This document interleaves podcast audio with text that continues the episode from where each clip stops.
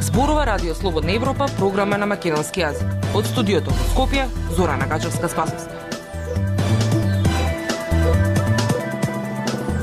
Почитувани добар ден. Ја следите мисијата на Радио Слободна Европа. Во неа објавуваме најмалку 12 сериозни хакерски напади врз македонските институции се евидентирани годинава. Не е синдром на прегореност од работа се што гори, но луѓе со симптоми на исцрпеност има се повеќе инциденти поради носење буркини и хиджаб во Црнагора. Слушајте не. Независни вести и анализи за иднината на Македонија. На Радио Слободна Европа и слободнаевропа.мк. Годинава се пријавени најмалку 12 сериозни хакерски напади, но оваа слика за ранливоста на информатичкиот систем на македонските институции не е реална и целосна, затоа што според законот, институциите немаат обврска да ги пријавуваат нападите во Националниот центар за справување со компјутерски инциденти. Надлежните не одговараат колку од истрагите за досагашните хакерски напади познати во јавноста кон сериозни институции со бази на осетливи информации се завршени. Деталите од Владимир Калински. Во изминатава година до сега имало најголем број на пријави за хакерски напади врз државните институции во Северна Македонија. Во тој период пријавени се вкупно 155 хакерски напади врз државни институции, од кои 12 биле сериозни инциденти, а другите од типот на малициозни мејлови и спамови, вели директорот на Агенцијата за електронски комуникации Јето на Кику за Радио Слободна Европа. Оваа бројка на напади е пријавена во Националниот центар за одговор на компјутерски инциденти МКД ЦИРТ, кој спаѓа под ДАЕК, но реалната бројка според директорот Акику е многу поголема. Најголем број до сега за една година е 155 пријави, од кои што само 12 се, да кажам, сериозни инциденти. Другите се пријави за малициозни мелови, спемови и такви работи. Значи 12 посериозни инциденти се пријавени до сега и тој таа бројка не е реална поради тоа што по закон институциите државни и приватни не се задолжителни да ги пријават инцидентите и со тоа што не им е задолжително да пријават делот нив и не пријавуваат инциденти. Велија Кику во интервју за Радио Слободна Европа која ќе го имитуваме в недела. Од Министерството за внатрешни работи не добивме одговор до објавувањето на сторијата колку хакерски напади против државни институции се пријавени годинава во секторот за компјутерски криминал и дигитална форензика, ниту пак колку од нападите добиле некаква разрешница, на пример да бидат откриени напаѓачите. И од јавното обвинителство чекаме одговори колкав е бројот на истраги кои добиле разрешница. И АЕК е меѓу институциите кои во април оваа година беше цел на хакерски напад. Тоа го потврди Акику, кој вели дека за нападот им бил побаран и откуп, но дека не го платиле, а проблемот брзо го решиле. Пред изјавата на Акику во јавноста се дозна дека е падната страницата на АЕК. Вработени во институцијата за Радио Слободна Европа сведочеа дека системот не бил во функција подолго време, но и дека вработен во оваа институција бил посочен како соработник на хакерите и бил под истрага во МВР. Кибернападите врз државните институции зачестија по започнувањето на руската воена агресија во Украина, како што потврди и Министерството за информатичко општество и администрација, од каде рекоа дека земјите од регионот може и во иднина да очекуваат напади. На интернет страниците на државните институции има многу лични податоци на граѓаните за кои покрај нападите не се даваат одговори дали има злоупотреби. Изобилството на хакерски напади во македонскиот киберпростор е поради нефункционалните државни сајтови кои често се без основни стандарди за безбедност и пристапност според оценките на експерти за информатичка технологија и кибербезбедност. Слободна Европа. Следете на на Facebook, Twitter и YouTube.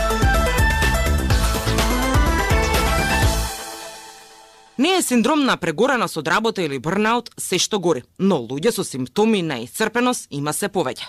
Светската здравствена организација го класифицира како синдром и матичен лекар може врз основа на оваа диагноза да отвори боледување, кој бара помош поради исцрпеност од работа. Тема на Емилија Бунтаска Нацоска. Ако се потврди дека имате состојба на вителна исцрпеност од работа или burnout, според меѓународната класификација на болести МКБ-10, која ја применува и македонскиот здравствен систем, матичниот лекар може да ви отвори боледување. Оваа диагноза е дефинирана во глава 21 како поголема група на фактори кои влијаат на здравствената состојба во правилникот за критериуми на привремена спреченост од работа. За оваа диагноза, избраниот матичен лекар може да даде боледување до 7 дена, без примена на критериуми, а со извештај од специјалист до 15 дена. Стои во одговорот од Фондот за здравствено осигурување. Доктор Бојан Трајковски, кој работи како матичен лекар последниве три години, вели дека ниту еден негов пациент досега не отворил боледување на оваа основа. Бурнаут постои како дел од македонските шифрани, е подштифрен за 73.0 и се води како исцрпеност од работа. Во мојата пракса до сега не сум открил боледување заради тоа што постои одредени диагностички минимум кој што јас како лекар морам да ги исполнам, а одреден дел на пациенти по соодветно ги заведуваме со друг тип на цифри, се со цел да немаме компликации при самото боледување. Вели доктор Трајковски. Светската здравствена организација СЗО не го класифицира така наречениот burnout, односно прегорувањето од работа како медицинска состојба, туку како синдром кој е резултат на хроничен стрес на работното место кој не е успешно контролиран. Симптомите знаат буквално да онеспособат еден човек и затоа треба да се препознае на време и да се делува, апелираат експертите. Често пати луѓето да не го препознаваат на начин на кој што гледаат во симптомите, да кажеме, имам анксиозност, имам нешто друго. Вели психологот и психотерапевт Тијана Ивановска, која со синдромот на професионално согорување често се среќава во незината пракса. Матичниот лекар Трајковски забележува дека најподложни на прегорување се луѓето кои работат во тешки услови во ноќни смени и имаат сериозен стрес на работа која бара активност речиси 24/7. Најголем процент од прегорените за жал се млади, заклучува доктор Трајковски. Психотерапевтката Ивановска потврдува дека младите се посвесни, но истакнува дека некогаш само мислат дека прегореле. Исто така они имаат изразито помала толеранција на фрустрација често пати препознаваат брнаут во некој природен процес на стекнување на отпорност. Додава Ивановска. Таа вели дека најважно е стручно лице да разграничи за каква состојба станува збори смета дека потребно е да се користат повеќе диагностички алатки, тестови и клинички интервјуа за да се дојде до вистински заклучок. Како е во регионот? Вработените во Црнагора не можат да земат боледување поради синдром на исцрпеност на работа или прегорување како што е дефинирано од СЗО, бидејќи црногорскиот здравствен систем тоа не го препознава. Договорено е тој да се применува во земјите членки од јануари 2022 година, потврди за Црногорскиот сервис на РСМ Мина Брајовиќ, шеф на канцеларијата на СЗО во Црнагора. Од земјите во регионот Босна и Херцеговина го промени своето законодавство и го вклучи овој синдром во каталогот на болести, додека Србија, иако е членка на СЗО, не ја промени легислативата која би ја вклучила исцрпеноста на списокот. Во Хрватска, која е членка на Европската Унија, исто така не е променет регистарот на болести болести, а проблемот со исцрпеноста е евидентиран како диагноза на стрес. Актуелности свет на Радио Слободна Европа. Инцидентите во Бари Будва покажуваат дека постои голем проблем во прифаќањето на различностите во општеството, апелираат активистите за човекови права. Откако една девојка била изфрлена од плажа затоа што сакала да плива со буркини, а другата била полиена со алкохол бидејќи носела хиджаб. Деталите ќе ги слушнете од Марија Тумановска. Девојка била исфрлена од базенот во бар затоа што се обидела да плива во буркини, костим кој го покрива целото тело. Жена од Куваит пак била испрскана со алкохол во будва бидејќи носела хиджаб, марама што ја покрива косата. Овие инциденти се случија за два дена на Црногорското приморје. Во двата случаи виновниците се гонети прекршочно. Имено обвинителството не најде елементи на кривично дело, ниту е утврдено дека вербалното и физичкото насилство било извршено од националистички или расистички мотиви.